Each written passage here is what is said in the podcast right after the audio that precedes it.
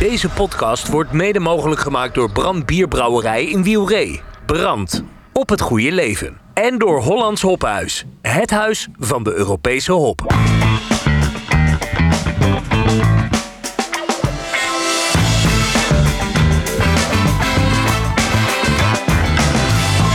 Welcome to the Brewpod. Ja, inderdaad. Welkom bij Bierradio Brewpod, de podcast talkshow van bierradio.nl. De maandelijkse podcast, steeds vanuit een andere brouwerij in Nederland of België. En vandaag zijn we te gast bij de Leidse Bierbrouwerij in Leiden met als hoofdgast directeur-eigenaar Jan-Willem Fuckink. En mijn naam is Fedor Vogel, uitgever, hoofdredacteur van Biermagazine, Brouwmagazine en Bierradio.nl. De techniek wordt als vanouds verzorgd door Bob den Breeën. Maar voordat we eh, onze gast eh, Jan-Willem Fucking gaan interviewen, beginnen we eerst met het laatste biernieuws. Bierradio.nl Biernieuws. Vanaf de redactie van Biermagazine.nl Jan-Willem, hartelijk eh, dank dat we hier te gast mogen zijn in jouw mooie brouwerij. Heel graag. We gaan jou dadelijk eh, uitgebreid interviewen, maar eerst beginnen we even met het laatste biernieuws. Wat is voor jou het belangrijkste biernieuws van de afgelopen week, maand? Nou, dat was letterlijk van de afgelopen week, namelijk de Biergeeks uh, ALS uh, collab uh, in uh, Eindhoven bij Ja. Light Breweries. Was je erbij? Helaas niet. Nee, dat eh, spijt me verschrikkelijk. Ja. Ik vind dat soort eh, gatherings, om het zo maar te noemen, wel eh, heel leuk, gezellig en ook wel belangrijk voor Ja. de bierwereld. Maar dat, dat ging me echt niet redden. Nee, nee. Dus ik heb het geprobeerd via social media nog een klein beetje mee te krijgen, de sfeer. Maar het, was, het zag er weer bijzonder goed uit. was Ja. de vijfde hè, in successie. Ja, precies. En ook weer hartstikke leuk dat je ziet dat iedereen weer bij elkaar komt. In de coronatijd hebben we toen nog eens een, een virtuele editie gehad. Maar nu weer fysiek, dat is wel weer goed. Eh, tekent een beetje hoe bijzonder dat wereldje eigenlijk is. Ja, Niet alleen ja. van de bierbrouwers, maar ook de bierliefhebbers. Ja, precies. Ja, mooi.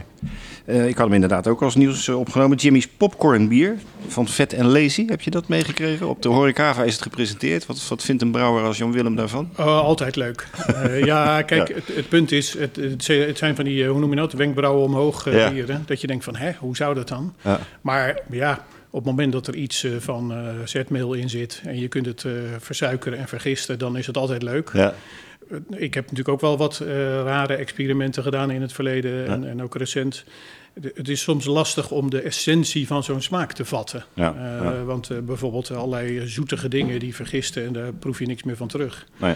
Eh, hoe dat bij de popcorn zit ik niet. Maar ja, popcorn, moutige smaak, het zal ongetwijfeld leuk zijn. Het ligt er dichtbij, hè? Ja, Ja, precies. Dus, ik heb hem ook nog niet geproefd, maar we gaan dat zeker eens proberen. Wat ik ook opvallend nieuws vond, de Averbode Extra. Het tweede abdijbier van Averbode. Een, laag alcoholisch, 4,8 procent. Wat vindt Jan-Willem daarvan? ik, ik wist het nog niet. Nee. Ehm, nou, kijk, ik, ik ben sowieso natuurlijk heel benieuwd. Na 1 januari hebben we de nieuwe accijnsregels. Ja. Wat dat betekent voor brouwerijen in, hun, in de keuzes die ze maken voor eh, de, het alcoholpercentage. 4,8 is volgens mij dan tegenwoordig niet meer precies een relevante eh, eh, grens. Nee. Maar ik heb dat in het verleden in het buitenland zag je dat ook wel. Dat je denkt van in Frankrijk volgens mij hadden ze ook van die vrij strikte regels. Ja. In Nederland hebben we ons daar volgens mij nooit zo druk over gemaakt. En eh, Nee. we hebben ook wel de turbo-tijden gehad. Dat eh, hoe meer alcohol, hoe, eh, Ja. hoe beter. Ja. Persoonlijk zeg ik, ik vind het juist ook wel leuk om bieren onder de 5% te maken. Ja, ik heb ja, ja. vorig najaar een, een London Brown Ale gemaakt. En bewust op 4%. Hm. Niet vanwege die accijnsregels. Maar gewoon omdat het leuk is om smaakvolle bieren te maken. En dan hoeft die alcohol niet heel overweldigend te zijn. Nee, precies. is soms zelfs Ja. jammer. Ja, Ja. ja. Mooi. Eh, tot slot, de crowdfunding actie van Jopen. Dat is toch ook wel een opvallende. Ja, nou, ik had hem op mijn lijstje staan. Ja, hartstikke leuk. Ja. Hartstikke leuk. En eh, achteraf dacht ik, waarom eigenlijk hartstikke leuk? Zij zijn natuurlijk een gevestigde naam. Eh, een van de grootsten of de grootste onder de kleintjes, zal ik maar zeggen. Ja. Eh, Michel, de oprichter, ken ik natuurlijk vrij goed Ja, uit de ja. KPC-tijd nog. Mhm. En ehm, tot nu toe, misschien dat ze ooit een keer een crowdfunding gedaan hebben voor een leien dak, was het volgens mij. Maar dat is echt al een eeuwigheid geleden. Mhm. Je ziet enorm veel crowdfund-acties. Ja. Eh, tegenwoordig een verschuiving naar eh, rente- en terugbetaling, naar, eh, wat, hoe heet zo'n ding, een eh, stak. Ja, Dan investeer je en dan hoop je dat er wat uitkomt. Stichting Eh, Administratiekantoor ja, dat officieel. precies, Ja. ja. En eh, ik eh, ben eh, volgens Michel ben ik een van de eerste tien funders. Kijk, ja, je bent daar gelijk ingestapt. Ja, voor een, voor een klein bedrag. Ja. Ik, ik vind het vooral, ehm, eh, ook als je weer praat over het wereldje en de sfeer. Hm. Ik vind het leuk om dat soort dingen te doen. Ik heb bij andere brouwerijen ook meegedaan met een crowdfunding. Maar ze noemen het zelf, wordt mede-eigenaar van Jopen. Dus jij bent nu eigenlijk mede-eigenaar van twee brouwerijen. Van de Leidse bierbrouwerij en van Jopen. Nou, dan- met de term eredirecteur of zoiets. Ik moet dat even met Michel gaan afspreken. Ja, Eh, mooi. Ik kom er overigens nog vaak bij de Jopenbrouwerij. Want eh, mijn uh, roestvrijstalen fusten, die laat ik daar reinigen. Ze hebben daar een mooie eh, geautomatiseerde installatie. Ja, Dus ik rij geregeld even naar Haarlem heen en weer. En dan eh, ja, ja, ja. kom je daar weer. Het is indrukwekkend hoor. Ja. Groot. En, eh, ja. Leuk. Maar het, het leuke vind ik aan hen, ze zijn groot, maar het blijft wel craft. Ja. Snap je? De, de sfeer blijft craft. En dat, eh, dat waardeer ik zeer. Dat doen ze goed. Ja. Ja. Had jij nog verder biernieuws dat je zegt van nou, dat viel me op? Die heb je zojuist eh, heb je eens allemaal opgenoemd. Ja. Dan gaan we zo, zo aan het grote interview beginnen. Kijk ook op bierradio.nl voor het laatste biernieuws. Ja, en voordat we gaan eh, beginnen aan het interview met Jan-Willem Fuckink, de eigenaar-brouwer van de Leidse Bierbrouwerij, waar we vandaag te gast zijn, eh, zou ik hem toch eh, willen vragen om eerst eens een eh, mooi glas bier te openen. Want ja, een podcast over bier zonder bier, dat kan natuurlijk niet. Wat ga je ons voorschotelen? Nou, ik dacht ik begin met iets wat tegenwoordig heel geaccepteerd is natuurlijk. En heel wijdverbreid. Dat is de IPA. Ik kan me goed herinneren dat ik daar voor het eerst mee in aanraking kwam. En dat was in, volgens mij 2007, 2008. Ja. Toen ik samen met eh, Rick Kempen, jullie wel bekend, een, eh, een presentatie heb voorbereid voor de thuisbrouwers in Hoofddorp van het Wordt Wat. En eh, ik was al jarenlang zeer geïnspireerd door de craft beer movement in Amerika. Ja, En ook wat die brouwerijtjes allemaal doen. En ook het avontuurlijke. En toen proefde ik dus voor het eerst zo'n IPA. En toen dacht ik, ja, dit is wel echt iets, iets heel anders. ja, Het leuke is, ik heb eh, relatief veel studenten die hier over de vloer komen om eh, allerlei bierprojecten te doen. Ja. Eh, met name allerlei eh, lustrumbieren en eh, gelegenheidsbieren die ze dan zelf mogen brouwen. ja. En ehm, dan zeg ik altijd van jullie beseffen niet in wat voor bijzondere tijd jullie eigenlijk leven. Dat jullie, dat jullie eh, elke dag een IPA kunnen drinken. Ja. Terwijl eh, dat was, nou wat is het inmiddels, wel meer dan tien jaar geleden. Ja, precies. Dat het wel Ja. eh, echt iets anders was. Ja. Ja, jij was ook, ja, dat was ook een van de vragen die ik zou willen stellen, maar dat doe ik dan maar meteen alvast. Jij, jij was ook een van de eerste IPA-brouwers in Nederland. Ja, eh, misschien wel. Ik weet het Hm. niet. Ik heb het niet zo precies bijgehouden. Bij mij, eh, mijn IPA komt uit 2010 volgens mij. Ja, Ik pak nog even een glas erbij. En, ehm, maar je hebt natuurlijk nu op een gegeven moment de fase gehad dat elke nieuwe brouwerij eerst een IPA uitbrengt, brengt. Ja. En, eh, en daarna pas eh, iets anders. Ehm, nou laten we proosten op eh, jouw Ja. mooie brouwerij die dit, dit jaar eh 20 jaar bestaat. ja, dat klopt, ja. Laten we daar eens Ja. mee beginnen. Je bestond eh, eh, in 2003, eind 2003 ben je begonnen, 2004. Officieel. ja. Ehm, eh, hoe, hoe zat dat in het begin? Vertel eens. Eh, nou ja, zoals zoveel dingen eh, gebeurde het als een eh, soort raar project. Ik ben ooit als thuisbrouwer begonnen in 2000. Mhm. Maar toen bracht mijn vrouw een eh, thuisbrouwpakketje mee. Die vond blijkbaar dat ik een nieuwe hobby nodig had. Nou, dat heeft ze bezuurd. Mhm. Want ze had een man die keurig netjes op kantoor werkte. En dat is nu helemaal uit Beetje de hand veranderd. gelopen. Ja, ja. En eh, tegelijkertijd, we gaan het bier straks proeven. We hebben samen hebben we vorig jaar voor het eerst eh, Black Onyx eh, gebrouwen. Kijk. Dus Mm. het zit nog wel Zit goed. nog wel hoor. goed. Het zit nog Ja, wel ja, goed. ja. Ja. Maar dat was. ehm, eh, en toen eigenlijk direct al kwam ik met dat sfeertje van die American homebrewers eh, in aanraking. Allemaal via internet natuurlijk. Ja, en, ja. ehm, en toen dacht ik van ja, het is eigenlijk wel een hele grappige hobby. Omdat je er zoveel verschillende dingen mee kunt. Eh, je kunt het technisch benaderen, je kunt het culinair benaderen. Je Hm. kunt er, eh, het is iets feestelijks, het is gezellig. En toen had ik op een gegeven moment een blond biertje gemaakt. eh, Slim Blondje heette die volgens mij. En, eh, Toen zei kon dat nog zo'n naam, slim Ja. Nee. Tijden zijn veranderd. Precies. Toen eh, dacht ik van nou, eh, wat moet ik eigenlijk doen? Mijn, mijn vorige baan was projectmanagement in de IT, met name internet gerelateerd. Dus dan ben je gewend om te kijken van wat moet er gebeuren om iets voor elkaar te krijgen. Ja. En zo ben ik dat stap voor stap gaan doen. Ja. De eerste jaren als huurbrouwer bij De Proef in eh, Gent. Wel bekend natuurlijk. Ja. Eh, kwalitatief zeer goede bieren. Ik ben er ook jarenlang met veel plezier gezeten. Maar ja, mijn uiteindelijke doel was die eigen brouwerij. En dat Ja. is dus, eh, ik heb er geloof ik wel 15 jaar over gedaan. Maar ehm, om, eh, om, om een beetje fatsoenlijk een productiebrouwerijtje te hebben. Maar Ja, dat ja. is, eh, stap voor stap is dat ge- gebeurd. Het komt allemaal voort uit het amateurbrouwen, dat, dat geef je ook aan. Ehm, en ook je betrokkenheid bij de amateur bierbrouwvereniging hier in Leiden, of in ieder geval in de omgeving. Het wordt wat. Daar ben je al heel lang bij betrokken, toch? Ja, tegenwoordig niet meer zo hoor. Hmm. Maar dat was inderdaad wel, eh, ik denk 2001 of zo ben ik daar voor het eerst langsgekomen. Ja. Ehm, het, het, het aardige van die hobby is dat natuurlijk... Er zijn allemaal mensen die het naast hun eigenlijke baan doen of interesses of wat dan ook. Dus het verbindt je. En tegelijkertijd zie je dat iedereen zijn eigen professie eh, meeneemt. We hebben toen een speciaal soort brouwinstallatie eh, in elkaar gezet met een projectteam. Ja, ja, daar gaat hij weer. Ja. En daar zat toevallig iemand in die had weer verstand van elektrotechniek, iemand van eh, metaalbewerking, iemand kon software schrijven. Ja. En zo zie je dat die interesses bij elkaar komen. Ik heb daar ook een paar jaar in het bestuur gezeten. Ja. Ik vond het ook wel erg leuk. Het is iets wat je met elkaar doet, zo'n vereniging. Ik vind dat de laatste tijd zie je mensen toch vaak wat individueler bezig zijn met dingen. Maar eh, zeker bij zo'n vereniging.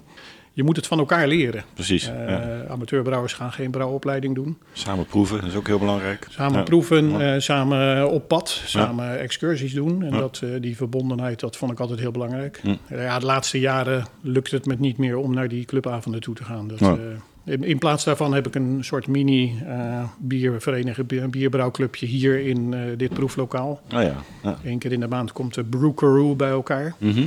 Dat zijn nu een man of 12, 16 zo'n Mhm. beetje.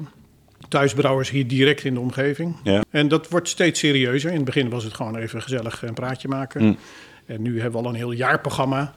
En er worden eh, avonden georganiseerd door de leden zelf met een bier- en food pairing. Met eh, speciale ingrediënten. Ja. Eh, we gaan een excursie doen, noem maar op. Dus ik zal niet zeggen dat het echt een vereniging is, maar het is wel een, een samenkomst van, eh, Ja, van, ja, van ja. liefhebbers. Met een, eh, een, een, een docent die er veel van af weet, zou ik maar zeggen. Dat, eh, Ja, ik ben lang niet altijd degene die er het meeste van af weet hoor. Ja. Kijk, praktische dingen natuurlijk wel, maar als je ziet wat aan creativiteit en, en originaliteit, Ja. zitten er hele leuke figuren eh, bij. Het begon, zoals je net al zei, allemaal met Leids Blond. Dat toen nog, zoals je al zei, Slim Blondje heette. Daarna al snel de Dubbel en de Weizen. En toen kwam je IPA. Ja, Je was, wat ik net al zei, eigenlijk een van de eerste craft brewers in Nederland. Hè? Want er waren er toen nog niet heel veel. ik, volgens mij toen ik begon waren er iets van 60. Ja, zoiets. ja. Ehm, ehm, aan de andere kant, ik, ik heb wel altijd lang een onderscheid gemaakt tussen dat ik geen eigen ketels had. Hm. Eh, dus dan ben je misschien wel creatief bezig. Ja. Maar het echte werk, wat ik nu Is het later werk pas, noem, eh, begonnen, Dat, eh, ja. dat is pas als je echt eigen ketels hebt. Ja. En ik vond het ook wel grappig, wat ik het net over had, zo'n IPA. In die tijd hoorde je met een blond en een dubbel te beginnen en een wit bier. Ja. En eh, dus nou toch een Noël of zoiets, allemaal Belgische stijlen. Ja. En dat die Amerikanen nu ineens kwamen met die IPA, dat was toch wel, eh, ik vond dat echt wel een landmark, zeg Ja, maar. ja. Mooi. In 2004 noemde je het de Leidse bierbrouwerij De Wijde Wereld. Van waar die naam? Nee, je hebt je huiswerk goed gedaan. ja, dat is inderdaad. Nou, kijk, het ging erom dat die creativiteit, eh, originaliteit, eh, zeg maar buiten de normale traditionele paden. We gaan de wijde wereld verkennen. Zo, eh, zo Ja, moet ja, je dat ja. eigenlijk zien. En ik had toen ook iets van een thema van ontdekkingsreizigers of zoiets. Hm. In het begin ben je natuurlijk een beetje aan het stoeien van ja, wat voor identiteit hang je aan je merk. Ja. En ik heb toen uiteindelijk gekozen om echt helemaal te verbinden aan de stad, aan, eh, aan, aan Leiden zelf. Dus toen heette het op een gegeven moment Leids Bier. Hm. Eh, de kleuren rood-wit, de sleutels in het logo. Eh, en nu zie je het nog steeds in eigenlijk bijna alle bieren dat er eh, Leidse thema's in verwerkt Ja, zijn. ja. Dat kan zijn iets historisch, het kan iets zijn van deze tijd. Ik heb nu net... Komen we straks nog op met je bieren. Daar komen we straks op. Ik wil nog even bij dat begin van 2004. Je, was, je gaf het zelf ook al aan, eh, was hu- huurbrouwer bij eh, de proefbrouwerij in Locristi. Dat was toen ook nog een beetje een startende brouwerij. Hè? Dat is natuurlijk in, in- op dit moment een van de grootste productiebrouwers voor, voor derden. ja. En ook een van de allerbeste, denk ik. eh, ja wereld, kwalitatief, zeer hoogstaand. Hoe kwam je Eh, daarbij, hoe kon je daar ineens zo tussen komen? Want er zaten ook mer- merken als Mikkeler en Jopen brouwden daar toen, eh, denk ik ook. Eh, nog niet eens. Nog niet eens. Die zaten nog ergens anders. Ja. toen, Ook wel in België. Ja. Ehm, nou, dat is eigenlijk ehm Weilen Guus eh, van... ehm, moet ik even nadenken. Nee, niet in Meidrecht, maar daarnaast. Eh, Guus Rooyen. Oh, van de, ja. Ik ben zijn naam even Ja, kwijt. ik ook, maar ik weet wie je bedoelt. Ja. Eh, Enkhuizen. Nee, eh, Maakt niet uit. Komt. We weten wie we bedoelen. Ehm, ik was in die tijd, eh, ik, ik had al snel door, ik moet niet gelijk een eigen brouwerij starten. Want ik Nee. had echt van, ik wist van toeten nog blazen. Ik had van niets wat je in een brouwerij nodig hebt, had ik verstand. Nee. Dus ik dacht, nou, die productie die wil ik sowieso onderbrengen. Dus Mhm. toen ben ik eens gaan rondneuzen. En toen kwam ik onder andere bij hem terecht en nog bij twee anderen hier in de buurt. En eh, toen brouwde die, geloof ik, maar liefst 400 liter per keer. ik zei, nou, dat is wel heel veel. Ja. Maar ja, toen begon ik na te denken. Ik dacht, ja, maar als het nou echt hard gaat lopen, wat ga je dan doen? En toen zei hij, nou, weet je, dan nemen we jouw recept en dan laten we dat brouwen bij de proef. Daar Ja, had hij blijkbaar ook contact mee. Ja. Ja. en toen dacht ik van, ja, maar waarom zou ik niet gelijk groot beginnen? Ja. En ik werd daar in eh Locristi eh, zeer hartelijk ontvangen door Hm. Dirk en Saskia. En ehm, eh, ze hebben zelfs toen nog een proefbrouwsel van mijn Leids Blond gemaakt. En die zijn we toen met een aantal mensen daar eh, Gaan proeven. de rimboe in. Volgens mij was dat nog met zo'n eh, wegenkaart op schoot. Want, Ja, ja, ja, eh, ja, ja. Google Maps, dat bestond ook nog niet. Nee, dus eh, het was nog lastig om daar in dat Vlaamse platteland die... eh, Ja. Die, ja, het, klinkt een beetje oneerbiedig, maar het was een soort varkensboerderij. Weet je Ja, wel? Zo'n grote schuur met een paar silo's ernaast. Maar er gebeurden veel leukere dingen dan eh, varkens houden. Ja, eh, precies.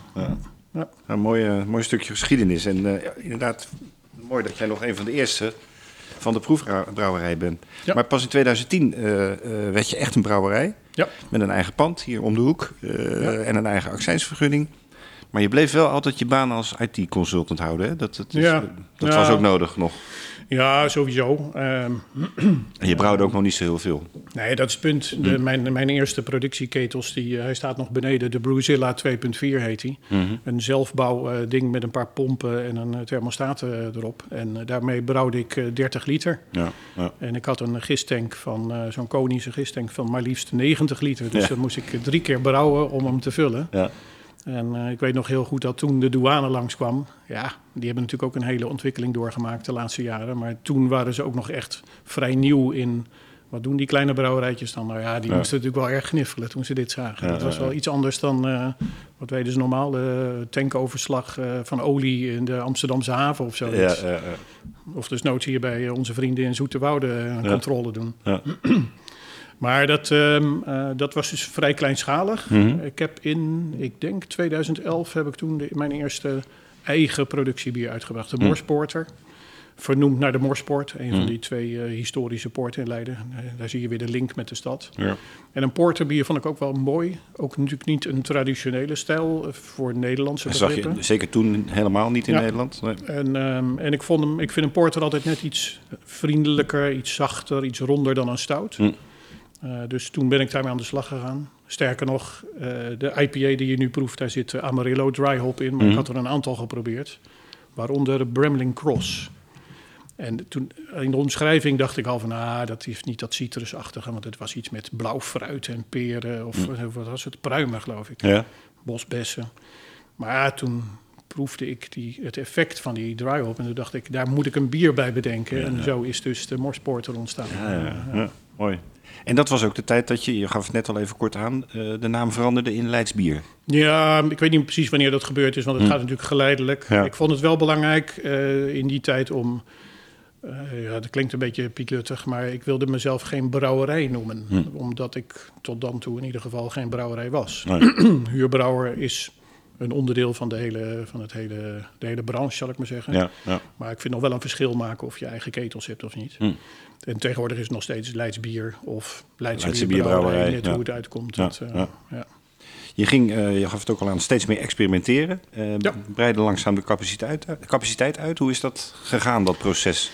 Nou ja, de- volgens mij het langste, langst, langzaamste traject wat je maar kunt voorstellen. Van die eh, 30 liter ketels ging Mm. het op een gegeven moment naar eh, 150, toen naar 300. En eh, de laatste stap, dat is wat er nu beneden staat, dat is, eh, ja, ik kan daar zo'n 650 liter per brouwsel mee brouwen. Ja, 2016 ben je fulltime Ja, gaan brouwen. precies, Met ja. eh, een Italiaans brouwinstallatie volgens mij. Ja, van. Polsinelli. Hm.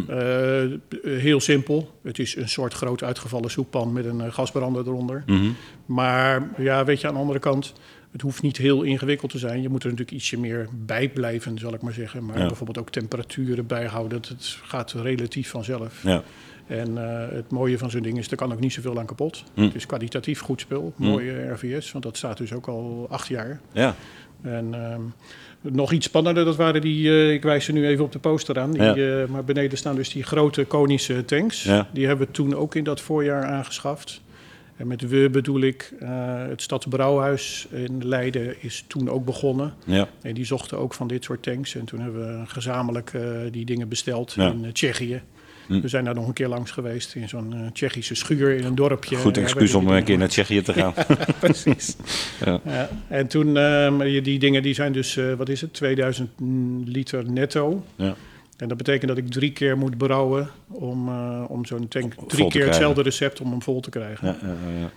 Eh, dat is iets wat ik toen ook al deed. Die, die kleine tanks noem ik ze nu. Die zijn, eh, wat is het, 600 liter. Mhm. Ik, in het begin moest ik dus vier keer brouwen om één zo'n tank te vullen. Ja, ja, ja, ja. Maar ik, ik, heb dat, ik zeg dat ook altijd tegen brouwerijen die beginnen met hun eigen tanks en ketels. Neem die tanks lekker groot, Ja, want dan kun je er langer mee doen. precies. Die kleine tanks die staan er al, nou wat zal het zijn, 12 jaar denk ik. Mhm. En doen nog steeds dienst. Hm. Ja, die hoef ik nog maar één keer te brouwen om te vullen. Dat, eh, ja. Ja. Wat is je, je capaciteit nu precies van je brouwerij? Wat, wat brouw jij op dit moment? Nou, ik groei langzaamaan door. Ehm, ik brouw ongeveer één keer in de week gemiddeld. Eh, maar dus op die eh, dagen dat de grote tanks moeten, dan is het drie dagen achter elkaar. En ik ben Ja. nu op weg naar 30.000 liter, zullen we maar zeggen. Mhm. Dus dat is voor mijn doen is dat behoorlijk. Het is steeds verder optimaliseren. Ja, ja, ja. Eh, recepten een klein beetje bijstellen. eh, iets efficiënter met, eh, met dingen met afvullen en dat soort zaken. ja, ja. Het, het blijft een eenmansbrouwerij. Mhm. Ehm, dat is aan de ene kant raar, omdat je natuurlijk, als je wil groeien, dan moet je meer handjes hebben. Mhm. Aan de andere kant, ik blijf erbij dat een kleinschalige brouwerij ook een, een plek heeft in de markt. Ja. Misschien zelfs wel leuker om dat te doen dan mee te proberen te groeien met al die anderen. Want je ziet dat de kleintjes van toen, die nu wat groter zijn, ja, die zitten in een andere markt. Ja, ja. Hebben dan andere eh, uitdagingen, eh, vaak landelijk of internationaal. Nou, daar hoef ik me geen zorgen over te maken. Dat, eh, Je bent echt altijd lokaal gebleven eigenlijk. Hè? Ja, dat is ja. het Leiden en op, op omstreken. één export naar Japan toe. Kijk, Die mensen die, je praat over tig jaar geleden, maar die, die wilden blijkbaar Leids blond hebben. En toen Ja. zijn er geloof ik, nou ik geloof wel 40 dozen of zoiets, eh, Zo. zijn er op het vliegtuig naar Japan gegaan. Ja, eh, eh. Te raar voor woorden natuurlijk. Ja. Maar, Oh ja, mooi. Misschien is dat ook een mooi bruggetje naar je, naar je etiketten. Misschien vonden ze de schilderijen van Jan Steen wel heel mooi. Want Ja, dat heb jij ja. natuurlijk heel veel gedaan in je etikettenlijn. Vertel daar eens wat meer over. Misschien kan je er nog eens wat van inschenken, zeg ik dan heel... eh. Eh, ja, nou ja, jullie hebben dus net die, die IPA, die is daar een voorbeeld van. eh, een, een stukje van een schilderij van Jan Steen. Deze is ook wel leuk. Ja, die gaan we niet inschenken. Dit is Leids Blond, Mhm. maar dan een speciale editie. Die heet Vier Zintuigen. Ja? Eh, dat is omdat per, moet ik het goed zeggen, afgelopen zaterdag is hier in de Lakenhal een tentoonstelling van eh, vier schilderijen van Rembrandt. Oh, ja, daar heb ik iets van Van gelezen. die ja. vier Ja, zintuigen. ja, ja. De vijfde Ja. smaak die ontbreekt nog, maar dat zit dus bij van spreken in het flesje. Mooi. Ehm, en toen dacht ik, nou, ik vind het wel leuk om dan van dat Leids Blond... Een special eh, edition te maken, zeg maar. Ja, special in de zin van een eigen etiket voor Ja. de Lakenhal. Dus alleen bij de Lakenhal is dat... eh, te Wat leuk. Ja. En dat eh, vertelde ik aan het begin net al even van als je dus zoekt naar een identiteit, naar een verbinding. Ehm, ik vond Jan Steen een leuke schilder. Ja. Eh, hij heeft mooie dingen geschilderd, maar ook grappige dingen. Mhm. Eh, er zitten vaak in zijn schilderijen zitten kleine grapjes verborgen die je pas ziet als iemand daarover vertelt. Ja, een ja, groot boek wat dat allemaal uitlegt. Maar heeft dat ook effect gehad op de verkoop van je bieren? Want je maakt goede bieren, dat weet ik al jaren, dus dat is geen discussie. Maar de mensen moeten het wel, moeten wel een keer tot je bier komen. En dan kan zo'n zo'n etiket met Jan Steen kan dan ja, helpen. Het, het, het, het lastige is natuurlijk wel dat eh, ik doe geen marktonderzoek en eh, geen evaluaties met klanten en dat soort dingen. Dus Nee. ik weet niet precies wat nou welk effect heeft. Mhm. Ehm, eh, ik heb een aantal fasen gehad van die etiketten. Die, als je dit nu bekijkt van de allereerste etiket, denk je nou, nou, nou, moet dat nou? Maar eh, goed, dat, dat is dan een fase geweest. Ja, De laatste beweging was eh, ruim een jaar geleden. 2022 precies. Toen kregen we het verhaal met, met het schildje op het etiket. Ja. Dat ontstond per ongeluk. Hm. Een groepje studenten die wilden een bier hebben voor het afscheid van de rector van de universiteit. Mhm. En eh, meneer Stolker. Eh, toen hebben we een eh, bier gemaakt en een van de jongens kon heel leuk tekenen. Hm. Een beetje Wiske, Suske en Wiske-achtige stijl. Mhm. En ehm, nou, dat etiket gemaakt. En die kwam met een... Ja, het was eerst een ovaal wat er omheen stond. Maar daar hebben we later hebben we dat schildje... randje ervan gemaakt. Ja. En toen dacht ik van ja, dit is wel erg leuk hoor. Ja, dat, ja, ja. hij, hij deed daar een voorstel voor. Ik zeg nou ja, dit is wel een, een eh, hoe noem je dat een atoombom die je afgooit. Want mijn etikettenlijn, ja, die was heilig. Daar kon je niet aankomen, zeg maar. nou, ik hou wel van een beetje structuur Ja. en een beetje consistentie. Maar tegelijkertijd, je ziet aan mijn etiketten eh, van die vorige lijn... ja, dat is eigenlijk, nou noemen we het, functioneel saai. Ja. Snap je, alles wat erop staat, moet erop staan. En het is ook best aardig. Hm. Maar dit was wel echt iets... Je hebt af en toe een externe prikkel nodig. Ja, ja, En eh, die jonge Dirk, eh, die, die heeft dat precies op het juiste moment gegeven. Dus toen hebben we heel snel hebben we de hele lijn vernieuwd. Vernield. Ja. Ja. Plaatjes zijn in feite nog hetzelfde die erin zitten. Mhm. Als je hier kijkt naar het eh, Moonsbier bijvoorbeeld, dat is eh Magdalena Moons, een historische figuur in Leiden. Mhm. Ja. Eerst was het etiket helemaal met haar eh beeltenis en nu zit het in dat schildje verpakt. Ja. En wat voor bier is dat? Nou, dit is een, ja, officieel heet het een kuitbier. Oh, ja, ja, ja. een oud-Nederlands... Ja, ik, ik zal hem gelijk even inschenken. kijk. Ehm, een bierstijl, nou ja, de, historie ken je denk ik wel over het, de heruitvinding van het kuitbier, als Ja. het ware. En, eh, inmiddels ook alweer een aantal jaren. Ja, precies. Ja. En ehm, ja, ik, ik, ik heb, volgens mij waren er toen iets van een stuk of twintig brouwerijen die daaraan meededen. ja. En inmiddels zijn het er misschien nog maar een stuk of vijf of zoiets, zes Ja. misschien, die een bier uitbrengen. Want dat is natuurlijk de essentie van zo'n eh, kuitbier. Is eh, een bier met, in Leiden in ieder geval, eh, minstens 50% haver. Ja, ja. In andere steden waren die regels net iets anders nog. Hm. Maar ehm, ja, kijk, als je het niet weet, dan zeg je gewoon, nou ja, dat is een, een lekker kruidig blond bier. ja. Voor de rest niks bijzonders. Eh, dat het een, gebaseerd is op een recept uit de 15e eeuw, geloof Hm. ik. Dat maakt het wel grappig. Het is eh, proost. Gezondheid. Hij is heerlijk. Mooi droog. Heel erg eh, fris in de afdronk. Ja, ja. En, en, en dus een kruidige afdronk die Hm. niet komt door kruiden. Nee, nee. Dus het, de- samenspel van die haver met natuurlijk de juiste gist, dan, Ja. die maakt dat dit een... eh, ja, wat ik zeg, je kunt het gewoon een, eh, een, een fris, kruidig blond biertje noemen. Ja, Dan, eh, dan eh, heb je er plezier aan. Eh, die historie is toch ook wel grappig. Ja, eh, nu we het toch over je bieren hebben. Je, je basisbieren moet je misschien maar eventjes allemaal toelichten kort. Maar die vinden steeds beter hun weg naar de horeca en de slijters. En eh, ook wel de studentenclubs. Ja. Maar daarnaast brouw je ook voor derden. Hè? Want, eh, Nou, tegenwoordig weinig meer. Mhm. Eh, als je praat dus echt over eh, opdrachtbrouwen. Eh, ik heb jarenlang heb ik een aantal biervrienden de gelegenheid gegeven om hun eigen bierlijn te ontwikkelen. Maar je ziet dat dat op een gegeven moment eh, zeg maar wringt met de eigen groei. mhm. Eh, sowieso financieel kon dat eigenlijk niet uit. Want als je zo'n kleine brouwerij hebt, dan, eh, dan maak je al smalle marges, zal ik maar zeggen. En Ja. als dan iemand anders ook nog zijn merk daarop wil baseren, dat lukte gewoon niet. Hm.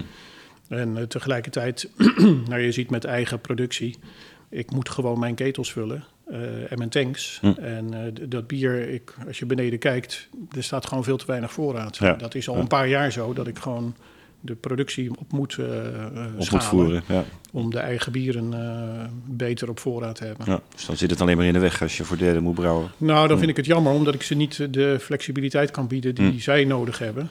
Ehm, en tegelijkertijd komen er dus wel relatief veel teams over de vloer die dan een gelegenheidsbier maken. Precies, dat zijn die, projecten en opdrachten die je doet. Ja, dat is met, eh, met allerlei organisaties. Maar veel Eh, studentenclubs toch? ook, Ja? ja. Ja, Nou ja, die, eh, die hebben natuurlijk altijd iets te vieren. Mhm. Eh, Daar zijn studenten voor. ja, precies.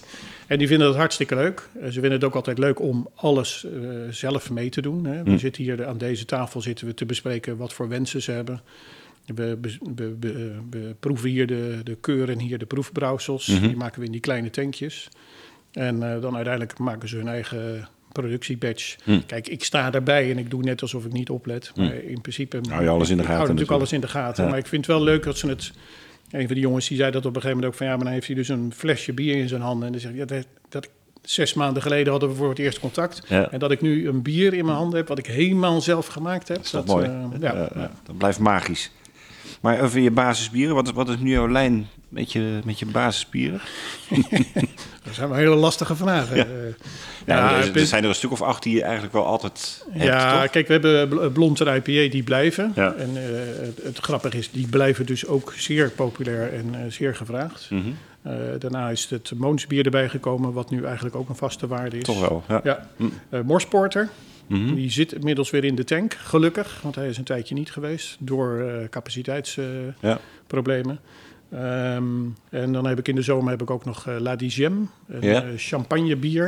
Heb ik ook nog staan. Ja. Eh, ja, wanneer was dat? Oh, dat was de, dat was precies tien jaar geleden. Ja, ja, ja. Ja. Je tienjarig bestaan. Exact. In de grote kerk in La eh, de ja. tiende. Ja. Ehm, een bier, eh, eigenlijk een soort pilsje Hm. van slechts 4% met champagnegist. Hm. En met name die gist, dat maakt natuurlijk het verschil. Dat is echt een, eh, een heel eigen karakter heeft hij daarmee. Ja. Eh, ook weer een sympathiek bier. Als je Hm. kijkt naar de hele lijn, ik maak niet echt bieren die waar mensen zeggen, nou twee slokjes is wel genoeg. Nee. Ik probeer toch altijd iets te maken waarvan je zegt van nou, het is misschien niet per se mijn stijl, mijn favoriete smaak, maar het is wel iets wat lekker is. Ja. En eh, dat glas moet wel leeg. Maar je toch een, ja, of misschien zelfs een tweede glas van. van Ja, eh, dat is altijd zo'n basiswet van. Ja, precies. Nou, en tegenwoordig komen er dan dus een paar bij. eh Boiseau bijvoorbeeld, eh, ook weer zo'n historische figuur uit Leiden. Mhm. Een eh, quadruppel. Die heb ik vaak. Leids kwartiertje is dus nu ook vast in het assortiment. Mm. Dat is overigens een haverbier.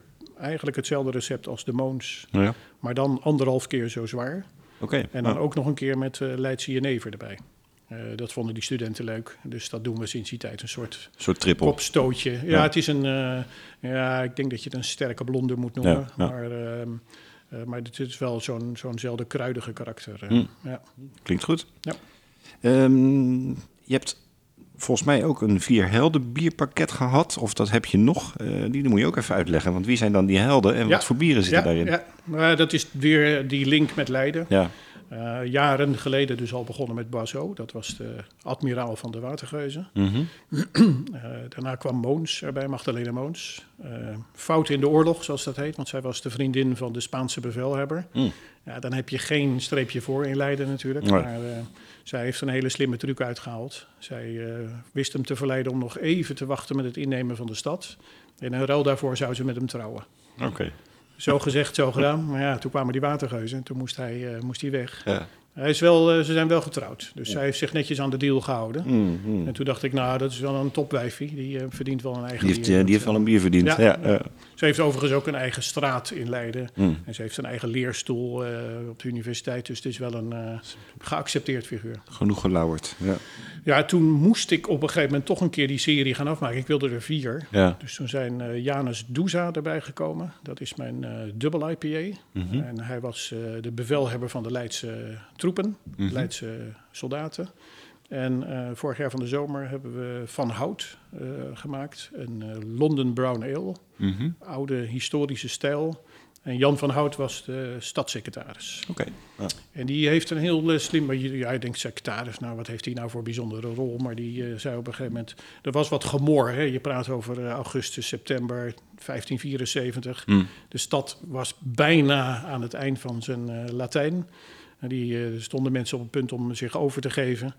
En ehm, daar was wat eh, discussie over. En toen zei hij, nou wacht eens even, dan gaan we even een stemming doen. Even kijken, jij was voor overgave? Oké, dat noteer ik dan even. En jij was tegen, oké, is ook genoteerd. En toen dachten die mensen die voor waren, die denken... ja, maar als dit fout afloopt, dan staat mijn naam straks op het foute lijstje. Ja. Dus hij heeft daarmee een hele eh, slimme truc uitgehaald... om te zorgen dat uiteindelijk de stad niet is ingenomen. Dat mensen de verdediging hebben volgehouden. Ja.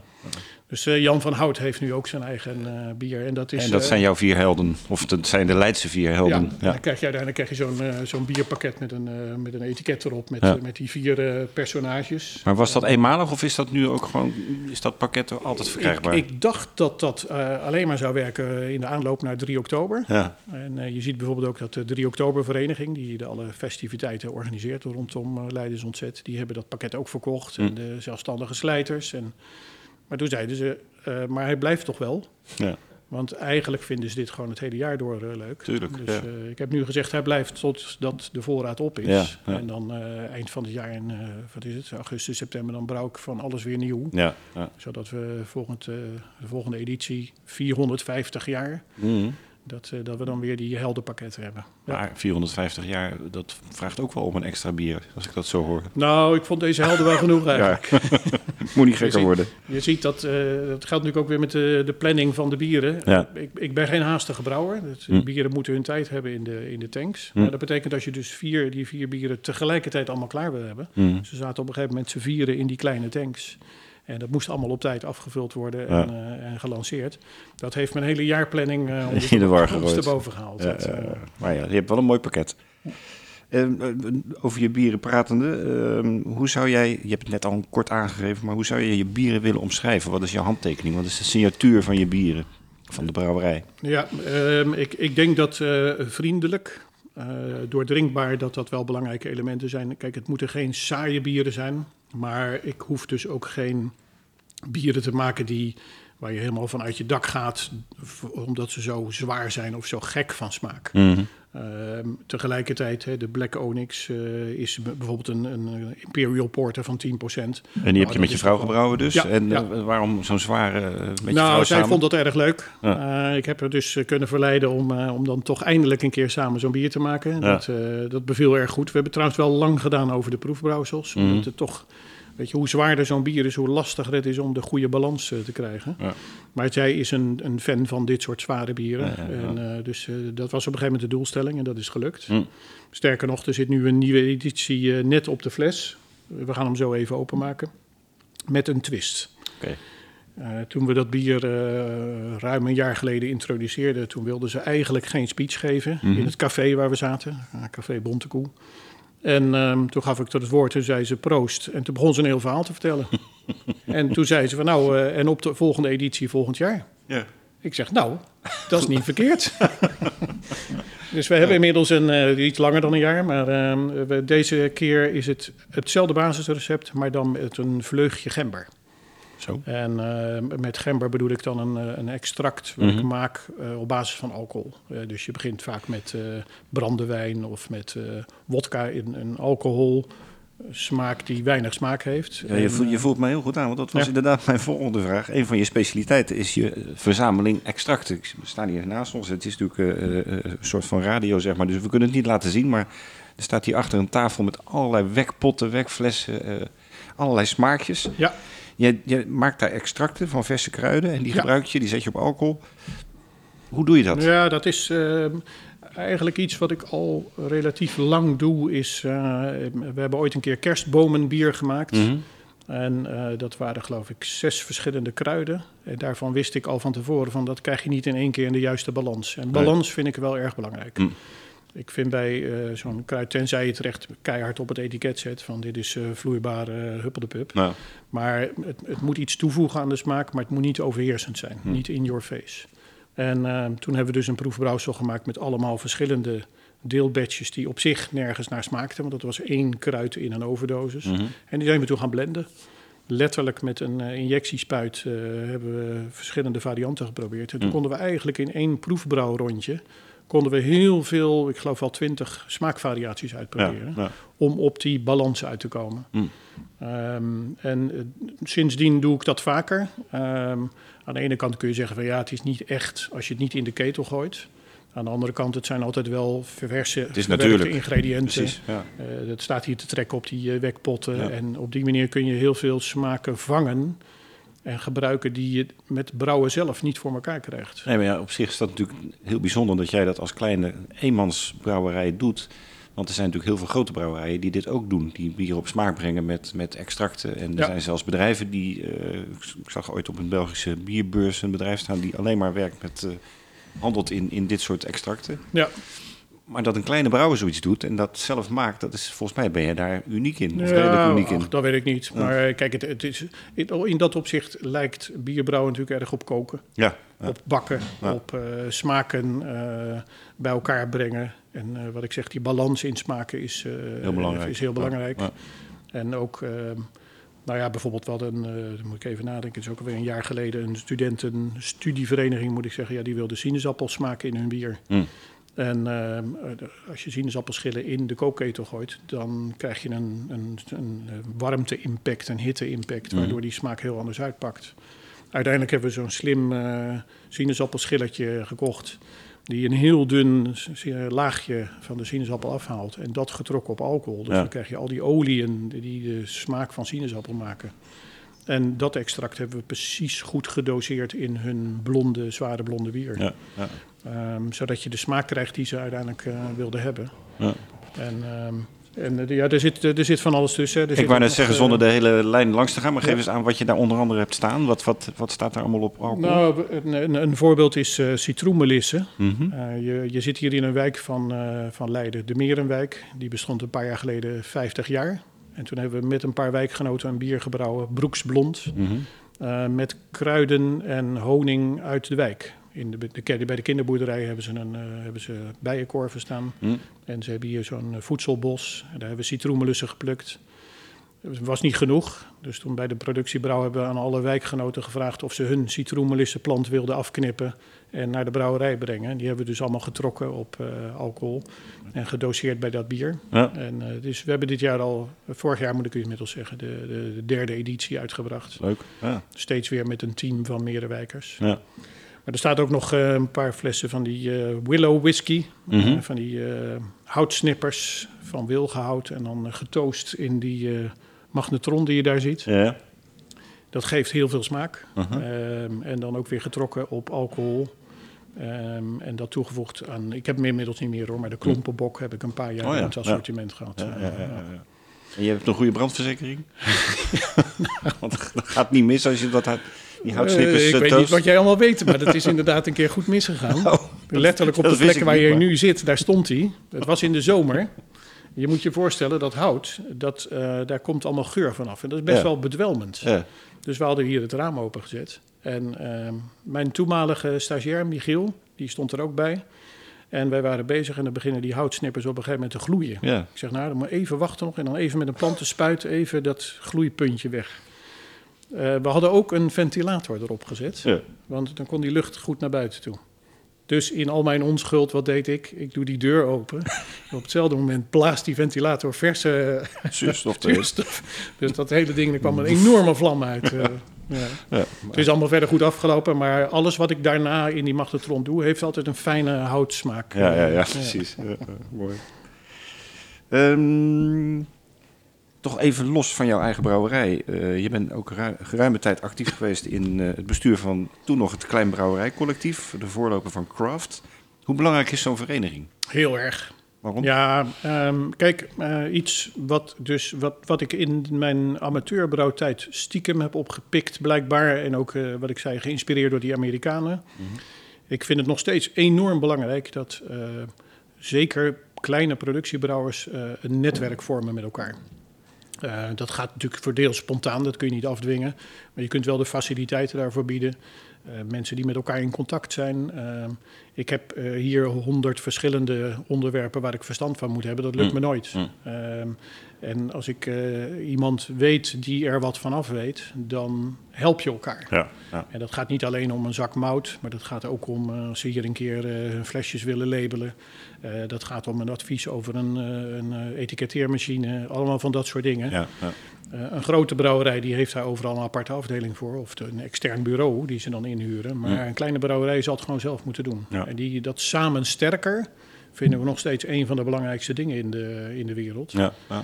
Ehm, daardoor kun je het veel leuker maken ook. Je Ben jij nu nog bij Craft betrokken? Je bent lid, maar Ja, tegenwoordig niet meer. Nee. Ehm, op een gegeven moment, ik merkte een soort van nieuwe koers. Ik ben natuurlijk nog van lang geleden, toen was het... Nou, het begon als een bier- en bitterballenclub, eh heette het toen volgens mij. We hebben toen een hele groei doorgemaakt. Dat ging met name over elkaar vinden. ja. Inmiddels is de wereld natuurlijk met, wat is het, meer dan 900 brouwerijen zo groot. Ja. Eh, ik zie een bepaalde verzakelijking bij Craft, die aan de ene kant jammer is voor dat collectief. Aan de andere kant ook wel goed, want er spelen thema's waar voorheen alleen de Vereniging Nederlandse Brouwers zich mee bezig hield. Ja, ja. Maar je ziet dat Craft nadrukkelijk die kant op eh, schuift en dat is goed, want ook dat is nodig. En tegelijkertijd hebben ze allerlei initiatieven om ook eh, kennisdeling te doen. En eh, Ja, de ja. Craft Beer Conference en dat soort zaken. Daar Dus, ga je ook weer naartoe binnenkort. nou, de- je ziet dat dat soort dingen, dat zijn de, de momenten waarop je elkaar ziet. Precies, En ja. waarop je even kunt bijpraten. Dat vind ik bij die conference altijd lastig. Er zijn eh, twintig eh, Mhm. Workshops. eh, workshops maar je wil ook iedereen weer even spreken. Dat, eh, is soms lastig. Ja, mooi. Ehm, daarnaast zat je ook in het oprichtingsbestuur van de Stichting Week van het Nederlandse Bier. Ehm, wat voor effect heeft die stichting en die week gehad op de Nederlandse biercultuur? Ja, het is allemaal wel een voice from the grave, uh. Lang geleden, maar uh, tegelijkertijd... Nou, ik zat dus, toen je hier uh, dreigde langs te komen... dacht ik van, ja, hoe lang kennen wij elkaar eigenlijk al? Maar dat is uit die, Rond die tijd. tijd, precies. Ja. En we hadden toen die, die illustre oprichtings... Nou, het was niet eens echt een oprichtingsvergadering... maar laten we eens een keer bij elkaar gaan zitten. In Nijkerk. We, we doen allemaal, precies. Ja. We doen allemaal ons eigen dingetje. Ja. We zijn op hele bescheiden schaal bezig... om dat Nederlandse speciaalbier om dat uh, meer gezicht te geven, ja. meer lawaai te maken. En, uh, en dat was een, een, een, een, ja, een landmark, zeg maar, dat we daar toen bij elkaar zaten. Precies, en dat ja. we elkaar gevonden hebben. Ja. En je ziet nu dat, nou, ik zal niet zeggen dat de week overbodig is. Het is allemaal wat kleinschaliger geworden, dat is logisch. Ja. Uh, je ziet dat je bepaalde dingen zoals de brouwerijdagen, dat krijg je niet meer over het hele land georganiseerd, dat iedereen meedoet. Dat, dat lukt ook niet. Nee. En tegelijkertijd denk ik ook zo bij die brouwerijdagen. Ja, ik ben daar toen begonnen met, uh, wat was het, twee locaties hiervoor. Super klein, Hmm. maar wel het idee van mensen uit de buurt die langskomen bij een klein, ja, wat is het, een ambachtelijk bedrijfje. Ja, ja. Een, een, een kaasfabriekje, een worstmakerijtje, maar dan met bier. En, um, en uh, dat heeft natuurlijk een aantal jaren lang heel goed gewerkt. Want als je het verschil bekijkt tussen nu zo'n beetje iedereen in Nederland, tenzij je onder een hele grote steen hebt Mm. geleefd, die weet dat bier overal is. Ja. Speciaal bier, Ja. kleine brouwerijen. eh, elke stad en dorp heeft een eigen brouwerij. Ja, minimaal. de- Wat, wat, wat mij betreft nog wel een beetje mag, als je kijkt naar zo'n initiatief uit die tijd. Dat was volgens mij al 2009 dat we begonnen met die folder over eh, bier en eten. ja, Bij het KBC toen nog. Ehm, dat mag nog wel wat meer. ja. Ehm, je ziet dat dat maar heel in kleine stapjes gaat. Hm. Ehm, eh, nou ja, we- jullie hebben het laatst ook over berichten. Arvid eh, Bergström, die heeft 2 of 3 februari heeft hij uh, zee. Dat Ja. is natuurlijk iemand die al jarenlang daarmee bezig is. ja, ja. En dat mag ik wel verklappen, dat het Leids kwartiertje, de XX-versie met een speciale twist, die gaat hij daar schenken Kijk. bij een van de gerechten. Mooi. Ja. Ik, ik zit zelf in dit lustrumjaar zit ik ook een beetje te denken van kan ik het nog iets meer gaan doen op Mhm. dat gebied. Dat Mhm. mensen daar wat meer van bewust van worden. Ja. Dat, eh, iedereen weet hoe leuk al die bieren zijn. Maar nou ook nog de combinatie met eten. Ja, en er zijn het, inmiddels, eh, eh, ik geloof, iets van 400 biersommeliers... die natuurlijk allemaal het bier en voet ook in Ja, hun opleiding hebben. Maar hele goede het ontwikkeling. zou wel eens wat meer los mogen komen. Daar ben ik wel met je eens. Hè? Dat, eh, meer mainstream. ja, Hè. Dat mensen gewoon uit zichzelf, wat we toen al doelstelling hadden met dat foldertje van je gaat naar een delicatessenzaak voor een, mooi stuk kaas. En daarnaast ga je naar de bierwinkel en dan, dan, dan koop je een bijpassend bier of bieren. Ja. Dat is altijd leuk. Je zet het op tafel en je begint erover te praten over wat proef je, vind je het mooi passen erbij en dat soort dingen. Ja. Dat, uh, Ja. In die zin is het ook altijd leuk, dat heb ik op een gegeven moment ook gedaan. Neem dan bijvoorbeeld één gerecht met twee bieren. Dan heb je iets om over te discussiëren. Hm. Of, of één bier met twee gerechten, dat kan ook. Uh, vertel maar niet of je het lekker vindt, maar Maar waarom wat je je, proeft en welke wat- je lekkerder vindt. Ja. En dan krijg je die discussie die je nodig hebt om. uh, En de bekende 1 en 1 is 3 eh, factor, zeg maar. Of het elkaar versterkt of niet. En, eh, ja, mooi. Hoe kijk jij aan tegen de huidige situatie in de bierwereld? Na COVID-19, eh, de prijsstijgingen, toch ook een beetje de overcapaciteit in de markt, denk ik, op dit moment. Is het nog wel leuk in de Nederlandse bierwereld? Ja, tuurlijk. tuurlijk. Ehm, kijk, eh, ik zal niet zeggen dat het makkelijk is. Eh, de tijden van die bijzondere groei van niks naar iets, die Mhm. was natuurlijk erg leuk om mee te maken. Covid heeft er zwaar ingehakt. Als kleine productiebrouwerij heb ik daar natuurlijk ook veel last van gehad. Mhm. Ik zat eh, laatst nog te bedenken, want ik heb toen eh, om de haverklap had ik weer een, een of andere online bierproeverij rondleiding met webcams. En eh, er zaten mensen thuis met een paar flesjes en wat eh, doosjes met moutkorrels en zo Ja. het is ook weer zo snel verdwenen als het, eh, als het opkwam. Hm. Ehm, ja, eh, nou ja, ik hoef het niet allemaal op te noemen. De energie is een lastig verhaal. Eh, nog, ik ben ook dus echt benieuwd van ja, wat gaat die hele nieuwe Ja. accijnsbeweging doen. Ja. Ehm, de duurzaamheid, als je over de wat langere terrein eh, de tijd praat, eh, van eh, hoe ga je zorgen dat ook een klein brouwerijtje moet op een gegeven moment duurzamer. Ja. Nou, dat is, dat is op zich een leuk onderwerp. Hm. Uitdagingen genoeg, in ieder geval. Ja, je moet het altijd maar zien als een uitdaging in plaats van een probleem. Dat, eh, Maar jij spreekt nog veel brouwers eh, in het wereldje, om het maar zo te zeggen. En ja, ik ook natuurlijk. En je hoort ook wel wat signalen hier en daar van brouwers die het echt moeilijk hebben. Ja, nou Dus sterker verwacht jij dat er nog iets gaat gebeuren? Ja, helaas wel. Ja. Ehm, ik, ik moet zeggen, je ziet in het, in het nieuws, voor zover ik het bijhoud, zie je toch geregeld een brouwerij die ermee stopt. Hm. Eh, of die in moeilijkheden is. Eh, ook mensen die ik nog ken, die, eh, ja, die hebben, je hebt al jarenlang heb je daar eh, met elkaar te maken gehad. En samen eigenlijk die hele ontwikkeling meegemaakt. Ja. Dat het dan toch niet lukt, vind ik Hm. echt heel droevig. Ja, ja. Ehm, je ziet ook, en ik beschouw dat maar een beetje als het volwassen worden van de markt, is dat je natuurlijk ook veel partijen hebt die geen bierbrouwer zijn, maar een marketeer, Mm, een, ander mm. creatief iemand. En die zeggen, ja, ik, ik ga mijn energie ga ik stoppen in een bier. Soms is dat ook een beetje een dun eh, verhaal, zeg maar. In de Ja. zin van eh, dat ze dus nooit ergens een, een, een neutraal bier kopen en daar een eigen etiket op plakken. Ja, ja. Het hoort erbij, zullen we zeggen. Maar het zijn niet de mensen met wie ik me kan verbinden. Want ik wil met ze praten over maïsschema's en over, eh, nou ja, noem maar op, van die... Brouwtechniek. Ja, een beetje van die wat meer van dat soort onderwerpen. Tegelijkertijd, ook zij hebben een deel van het succes. Hm. Zij, maken het bij een steeds breder publiek bekend. Ja. Dat was iets wat ik toen op een gegeven moment besefte. Mijn, mijn, eh, 2004 eh, dacht ik van ja, als ik daar bij de bierwinkel in Leiden in het schap sta, dan is mijn leven compleet. Ja. En toen dacht ik, ja, maar ja, de mensen die daar komen, die drinken één flesje van een bier. Ja, ja. En toen had je geloof ik nog geen Untapped, maar Raid Hm. bier misschien. Ja.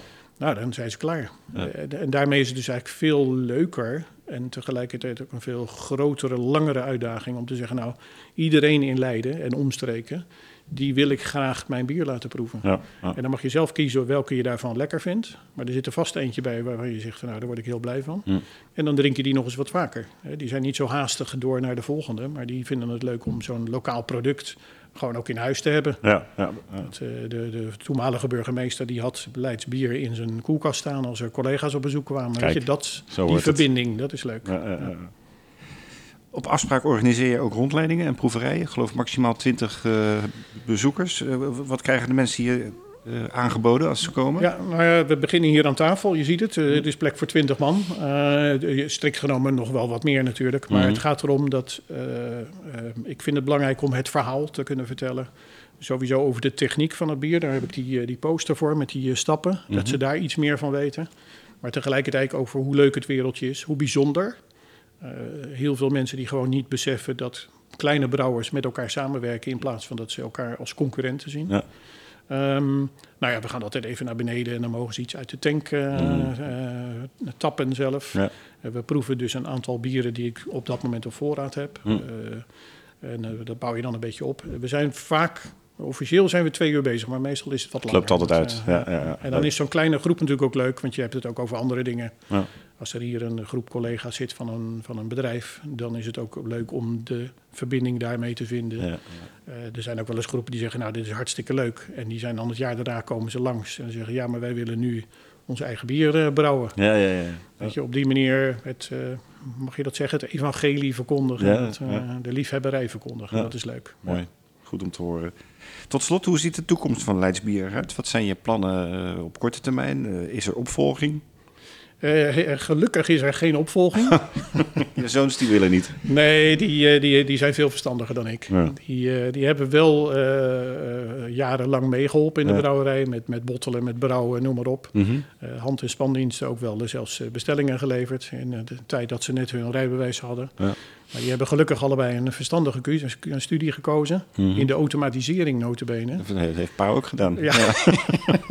dus het kan ooit nog fout gaan met ze. Maar ehm, nee, dus en tegelijkertijd, ik besef ook wel dat wat ik aan het doen ben, dat past bij mij. Mhm. Maar het is niet per se een viable business. Eh, Je, je moet er gewoon. eh, ik heb gelukkig geen andere hobby. Hm. Je, moet, je moet er wel met hart en ziel eh, voor gaan. Je kunt het niet als een baan zien. Je Nee, moet, en gelukkig woon ik hier vlakbij. Mhm. Dus ik kan in principe op mijn fiets kan ik naar de brouwerij toe. Dat was mijn ideaal. Ja, ja. En meestal kom ik toch met dat busje, Ja. want er moet er weer wat geleverd worden. Maar eh, dus in die zin geen opvolging. En eh, tegelijkertijd ook, ja, ik zit met een soort eh, eh, moet zeggen. Aan de ene kant heb ik geen pensioen. Dat wil zeggen, dat begin ik weer op te bouwen. Maar Mhm. ik ga dus nog wel een tijdje door. Mhm. Tegelijkertijd, ik heb ook zoiets van, ja, ik weet niet hoe jij daarover denkt. Dat pensioen is ook een soort dreigement van, dan, Ja. dan heb je niks meer. Ja. En dan zit ik te denken van, ja, maar wat zou ik dan gaan doen als hobby? Ga je Zou ik een bierbrouwerij Ja. starten? Dan kan je toch beter gewoon doorgaan? Precies, ja. Dus Maar dat zijn de vooruitzichten. Ja. Eh, Want tegelijkertijd... hoe oud ben je eh, nu als ik vragen mag? eh, ja, 50 plus heb ik afgesproken met mijn Oké, zwager. ja. Ik ben nog steeds 50 plus. Ja, ja, 60 min. Ook, ook. Maar bij- ook als ik, als ik 70 of ouder ben, dan ben ik nog steeds 50 plus. Ja, dat, ja, ja, ja. Dat, dat werkt. Ja, ja. Nee, dus dat ehm, eh, concreet dingen, dat is met name dus de productie verder efficiënter maken. Mhm. Leuke projecten blijven doen. En dat is gelukkig. eh, mijn brouwketels zitten geloof ik al vol tanks tot en met september. Oké, helemaal vol gepland, Eh, zeg ja, maar. volgepland. Ja. Eh, met, met allerlei bierprojecten. Hm. Dus dat is leuk. Eh, in die zin aan inspiratie geen gebrek. Hm. En natuurlijk met het Lustrumjaar zie ik, eh, heb ik ook al wat leuke plannetjes bedacht met, met speciale edities van bieren. Eh, ik ga een paar bieren opnieuw eh, brouwen, eenmalig, Mhm. die uit het verleden kwamen. Ehm, Welke?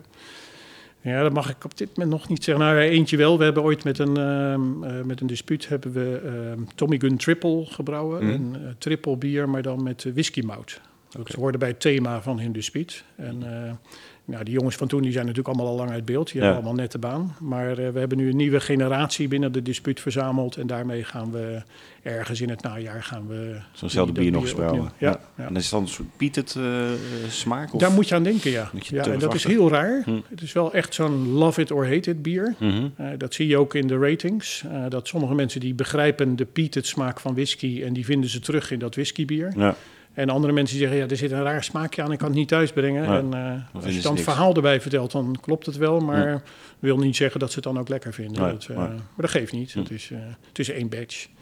Dat is natuurlijk het leuke. Ik kan iets heel raars maken en dan is het 500 liter en dan stoppen ze is het op. Ja, Dus, precies. Ja. ja, ja. Maar voor de rest, als ik het zo hoor, tot september volgepland en, en heel veel projecten.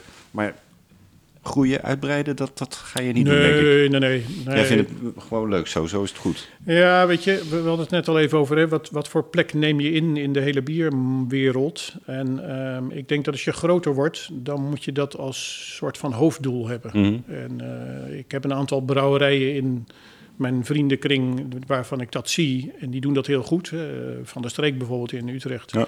Ik ken eh, Sander en Ronald allebei vrij goed. Ja. Ik vind dat dat ontzettend leuk gedaan hebben. Ja. Om, om, aan de ene kant houden ze de, de liefhebberij vast. Met gekke bierprojecten, met, met originele dingen. En tegelijkertijd zijn ze in staat om een serieus bedrijf neer te zetten. Ja, met ja. echt En, en een eh, eh, onderscheidend bier met, met hun 0.0 bieren. Ja, Dat precies. is ook heel knap voor een kleine brouwer. Ja, Exact, ja. Ja. ja. Eh, tegelijkertijd denk ik van ja, maar dan, als je dus niet uitkijkt, zit je vervolgens op kantoor achter een spreadsheet. Ja, ja. En dat zie ik ook niet gebeuren. Dat Dus, heb je eh, vroeger al genoeg gedaan. eh. precies. Leuk. Nou, ik wens jou in ieder geval een hele mooie toekomst toe. En een nog hele lange toekomst. Wat dat betekent dat jij nog heel lang hier in de brouwerij zit. En wij nog heel lang van jouw bieren kunnen blijven genieten. We gaan nog even naar het laatste rondje. Ja, zoals u weet, het laatste rondje is altijd een, een eh, minuut of tien eh, met eh, wat ja, ludieke vragen, zullen we maar zeggen. En misschien nog een letterlijk laatste rondje erbij, een kleine hint. even wat inschenken. En ehm, we zijn vandaag dus te gast bij Jan-Willem Fucking in de Leidse Bierbrouwerij in Leiden. Een van de oudste craftbrouwers van Nederland. En ja, Jan-Willem, de eerste vraag die ik dan toch even stel. Wat is het belangrijkste nieuws waar je nu mee bezig bent? Nieuws dat je nog niet verteld hebt. Eh, nou, ik heb de meeste dingen wel gehad. Kijk, Hmm. eh, wat ik al zei, lustrumjaar is het belangrijkste. En ik Hmm. dacht van, dat ga ik niet in één dag stoppen, niet in een week. We gaan het hele jaar door, gaan we een aantal dingen doen. Hmm. Er komen ook nog wat tap takeovers. Ehm, eh, er, komen, er komt nog een leuke creatieve wedstrijd voor studentenhuizen. Hier in de stad natuurlijk erg, zijn studenten nadrukkelijk aanwezig. Het wordt een soort bouwproject, wordt het, als het goed is. Ehm, er komt nog een gadget aan, er moet nog een lustrumglas komen. Dus Je hebt genoeg te doen, eh, meer dan genoeg te doen. Ja. Wat vind jij de beste ontwikkeling op biergebied in België en of Nederland? Ehm, nou ja, kijk, je hebt natuurlijk, als je praat inhoudelijk, qua recepturen en zo, zijn het, vind ik de creativiteit, vind ik, blijf ik leuk vinden. Maar Mhm. dat is niet per se iets van deze tijd. Ehm, wat ik heel belangrijk vind, en dat is misschien niet een, een heel sexy onderwerp, maar dat is eh 0.0. Hm. Eh, dat je dus bier kunt drinken en toch, eh, als je praat over verantwoord alcoholgebruik. Met veel smaak. eh, de ja, laatste precies. tijd. Ja. Voor mij persoonlijk is 0.0 geen, eh, geen eh, doel. In de zin dat ehm, eh, daar heb ik de apparatuur niet voor. Nee, nou ja, eh, je kan het met een bepaalde gist natuurlijk ook voor elkaar krijgen, maar dan duurt het allemaal iets langer. Precies. En eh, dus het- voor mij persoonlijk zeg ik van joh, dat, dat hoef ik niet te willen in mijn eentje. Nee. Maar eh, nou ja, ik vertelde net al iets over wat lager alcoholische bieren. Eh, als je een lekker bier maakt van 3 of 4 procent, dan kun je dat net zo goed waarderen als een bier van 8 of 9 of 10 procent. Ja. Nou ja, wat we nu in het glas hebben is ook lekker laag alcoholisch. Maar niet eens. ik ik zie dat jij eh, de Het Black verhaal is niet eh, helemaal sluitend nu. Maar, nee, dit, is, eh, dit is dus het andere uiterste. Eh, Kun je hem nog één keer, ja, voor de mensen thuis, eh, die kunnen het natuurlijk niet proeven en ruiken, maar beschrijf eens wat wij Ja. voor moois eh, in het glas Nou, hebben. Een, een Imperial Porter. Ik weet niet of het zelfs of het een officiële stijl is, maar het is dus de, de categorie porterbieren, maar dan heel zwaar. Eh, je praat eh, over 10% alcohol. Ja. Ehm, nou, daar zit van alles in. Je hebt natuurlijk de basis, heb je de, de, koffie, chocoladesmaak. Koffie smaakt heel erg. Er zit ja. inmiddels, want dit is dus de, van de vorige batch, Mhm. er zit ook wat een, een soort droppige Hm. ehm, eh, geur zit eraan. Hij is niet heel dik. Nee, is- In de zin van, ehm, je ziet toch vaak bieren die moeten eigenlijk heel dik zijn om die alcohol te maskeren. Hm. Nou, dat vind ik hier eigenlijk wel in, in balans, zeg maar. nou, sterker nog, je hebt bijna niet in de gaten dat het 10% is. Ja, Dus dat is het lastige eh, ervan. Maar ja, dat is wel dus erg knap gebrouwen. Ja, Dat is heel mooi. ja, Eh, ja. Alcohol is heel mooi eh, gemaskeerd. Ja, precies. En tegelijkertijd, dit is natuurlijk ook wel een bier. 10% klinkt als veel, maar dit... Kijk, je moet hem niet ijskoud zetten en dan na het sporten een- zo'n grote 75 centiliter fles achterover slaan. Nee, nee, dat is niet de bedoeling. Nee. Dit is bedoeld zoals we het nu doen met een paar mensen. Je trekt zo'n fles open, je geniet ervan, je nipt ervan. Ja, ja, En dat beschouw ik ook als verantwoord alcoholgebruik. precies. Het gaat, Ja. niet, het gaat niet om het alcoholpercentage, het gaat eh, ook niet om de hoeveelheid, maar het gaat erom, doe het in balans. Precies. En, ehm, ben het helemaal met je eens. En dat mogen we ook wat vaker uitspreken als eh, bierwereld onder elkaar. Welke brouwer of brouwster verdient volgens jou meer aandacht of is onderbelicht in Nederland dan wel België? ja, dat is eigenlijk best wel een, een, een grote groep, zal ik maar zeggen, van eh, ook nu nog relatief jonge eh, productiebrouwers. Ik, ik kan er niet per se eentje noemen. Maar wat ik zei over. Maar dat mag wel. Ja, maar dat vind ik. nou, dan zou het een te lang lijstje worden. ja. Ehm, Nou, noem er nou drie. Nou, kijk, ik denk dat er dus, als je praat over eh, kleinschalige initiatieven Mhm. en hier in de buurt, eh, dan hebben we bijvoorbeeld eh, in Wassenaar hebben we Niels zitten met Ja. Cookwood Spider. Ook een kleine productiebrouwerij.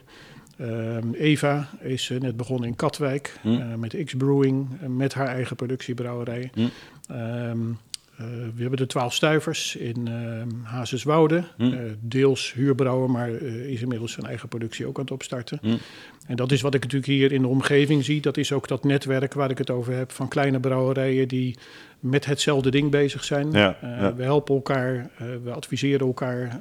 Leuk. Ja. Je ziet elkaar op allerlei evenementen. Ehm, en daarmee heb je een soort regionale, bier, regionale bierbeweging. Hm.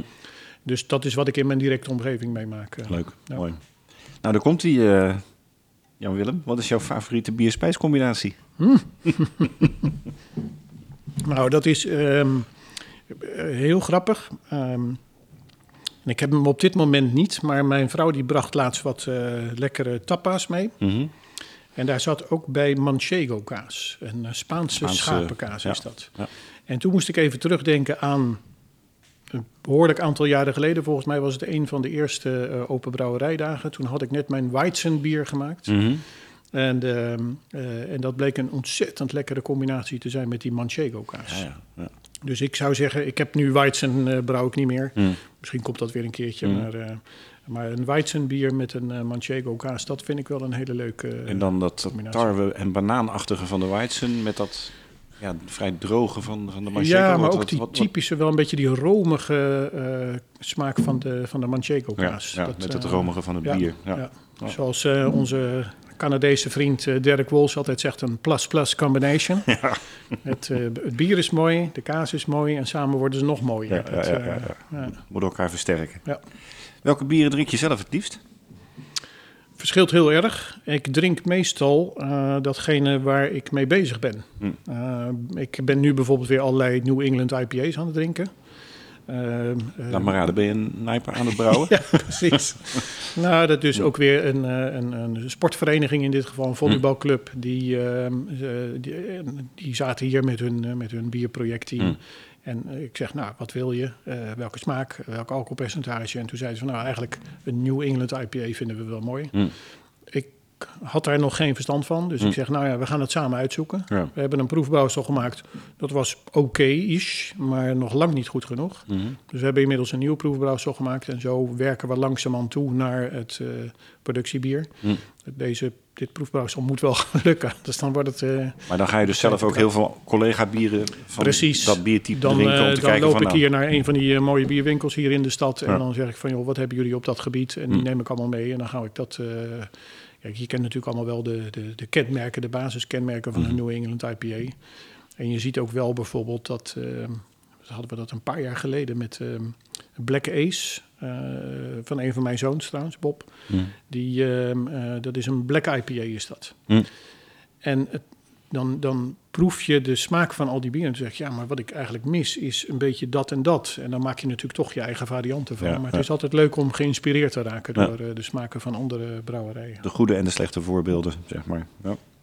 Um, de meest, of moeten brouwerijen en biermedia nou wel of geen aandacht besteden aan politieke issues? Hmm. Nou, kijk, als het niks met bier te maken heeft, dan, dan hoef je dat ook niet te doen. Maar ik denk wel twee dingen. Eén is natuurlijk, uh, waar we het net al even over hadden, dat uh, het uh, verantwoord alcoholgebruik. Zorgen dat we aan de ene kant het genieten van bier voorop stellen en niet zozeer de volumes. Dat was al een term van jou volgens mij bij het KBC, hè? Niet gieten, maar genieten. Exact. Ja, daar, ben jij, daar ben jij volgens mij de geestelijk vader van. Nou, de, de essentie is Ja. inderdaad precies dat. Hm. Het is een product om, waar je mensen mee wil verwennen. Hm. Uh, geldt in ieder geval voor mij dat ik, ik vind het leuk als iemand geniet van mijn bieren. Hm. Dat is mijn ultieme uh, waardering, zeg maar. Hm. En tegelijkertijd, ik, ik gun niemand toe dat hij een drankprobleem krijgt... of dat hij ergens omvalt of wat dan ook. Dat, uh, dat, dat, moet gewoon niet kunnen. Dan ben je glad kwijt. Nee, zo simpel is het niet. Het, gaat veel, het is veel erger eigenlijk dat iemand daardoor niet meer in zijn leven eh, in balans is. Nee, precies. En, ehm, dus dat. Mm. Ehm, tegelijkertijd, ja, je ziet vaak in de, in de maatschappij zie je dat als iets op een bepaald punt fout gaat, dat dan om draconische maatregelen nodig zijn om de mensen weer de goede kant op te bewegen. Mm. Eh, en dat vind ik wel eens jammer. Eh, soms wordt er te weinig aandacht besteed aan een, een, een doelgerichte aanpak, een mentaliteitsverandering. En dan wordt er hoog over wordt er iets gedaan wat heel makkelijk is. Eh, Je kunt er ergens wel een, een wet voor opstellen. Maar het is, ja, ik vind het meer te waarderen als je wat langer er misschien over doet. Maar dat je wel meer bestendig in de maatschappij, dat je dingen niet verbiedt. Hm. Maar dat je zorgt dat mensen uit zichzelf verantwoord daarmee om. Ja, eens. Tot slot, op wie moeten we proosten met eh, ons laatste glas bier? Poeh. Nou, daar moeten we eens even over nadenken. Nou, eh, ja, misschien niet een persoon, maar wel de kleine productiebrouwerij. Mhm. En daar ben ik natuurlijk zelf één van, maar ik bedoel met nadruk niet alleen mijzelf. Maar ik bedoel dus het niveau worstmakerijtje, kaasfabriekje. Mhm. Eh, Ambachtelijke brouwerij. ambachtelijke brouwerijen, mensen Hm. die zelf in de ketel staan te roeren, die eh, vooral een lokale of regionale functie hebben. Die dreigen nog wel eens onder te sneeuwen als het gaat om het mediageweld en ook de aandacht die ervoor is. Die strijd van de kleine, eh, hoe moet je dat zeggen, de grote onder de kleintjes, is lastig. Die hele grote jongens heb ik het al helemaal niet over. Hm. Maar de, de, de- het ambachtelijke gevoel, dat is eh, dus op de kleine ambachtelijke brouwerijen. Laten we dat doen. En eh, hartelijk dank voor je gastvrijheid vandaag hier eh, bij de Bierradio Brewpot, de maandelijkse podcast. Eh, volgende maand zijn we er zeker weer, zeker weer gaan luisteren. Hartelijk dank Jan-Willem Fuckink en tot de volgende. Deze podcast werd mede mogelijk gemaakt door Brand Bierbrouwerij in Wielree. Brand. Op het goede leven. En door Hollands Hophuis. Het huis van de Europese hop.